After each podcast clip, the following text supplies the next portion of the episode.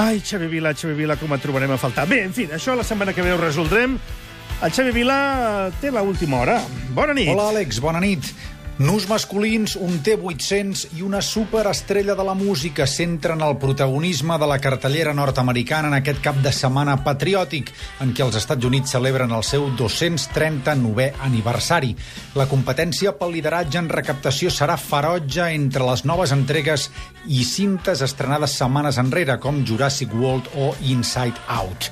Pensem d'entrada en Magic Mike XXL, la seqüela de l'èxit en taquilla de fa 3 anys de la cinta dirigida per Steven Soderbergh. Si el producte original ja deixava molt que desitjar, per més que recaptés 160 milions homenatjant torsos masculins esculturals, aquesta nova entrega l'empitjora, perquè no aporta ni l'estúpida, absurda innocència inicial. Interpretada ara per Matt Bomer i Joe Manganiello, la cinta s'inclina indissimuladament per mirar de traure la joia de viure d'un col·lectiu femení jove sobrehormonat en període estival. L'absència d'un guió coherent es mira de suplir amb un conglomerat de peces mal interconnectades que comparteixen diàlegs forçats sobre mèrits sexuals i drags queens, a la recerca també d'un públic gay que engreixi la recaptació. Competint amb aquest subproducte cultural trobem Terminator Genesis, la cinquena entrega d'una franquícia esgotadíssima en el concepte argumental.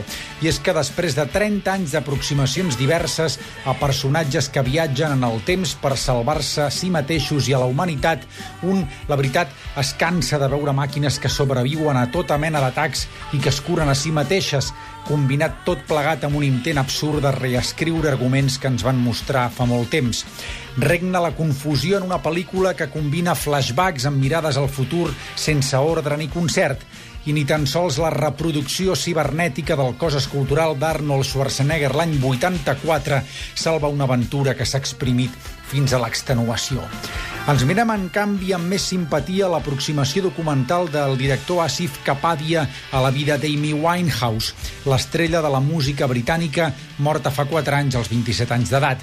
Parlem d'un tribut emocionat i tècnicament sagaç de l'artista, que si bé no ofereix cap revelació, sí que aporta aquella mirada sempre interessant de la lletra petita que hi ha darrere de l'escenari abans de les actuacions.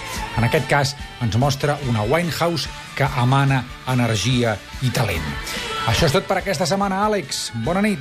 Per la setmana que ve més. Gràcies, Xavi Vila. Per ser això d'Amy Winehouse s'estrena ja, també. Aviat, aviat. Dues sí, setmanes o tres ja la tindrem aquí entre nosaltres, eh? Més o menys, sí, sí. Potentíssima, de debò, eh? La veritat és que la crònica m'ha fet molta gràcia i té tota la raó. És curiós com Terminator a la cinquena va i s'enfonsa definitivament, eh, ja ho avancem, eh? Però fa bona fins i tot a Jurassic World. És curiós, veus Terminator, la nova, i dius, ara Jurassic World m'agrada més.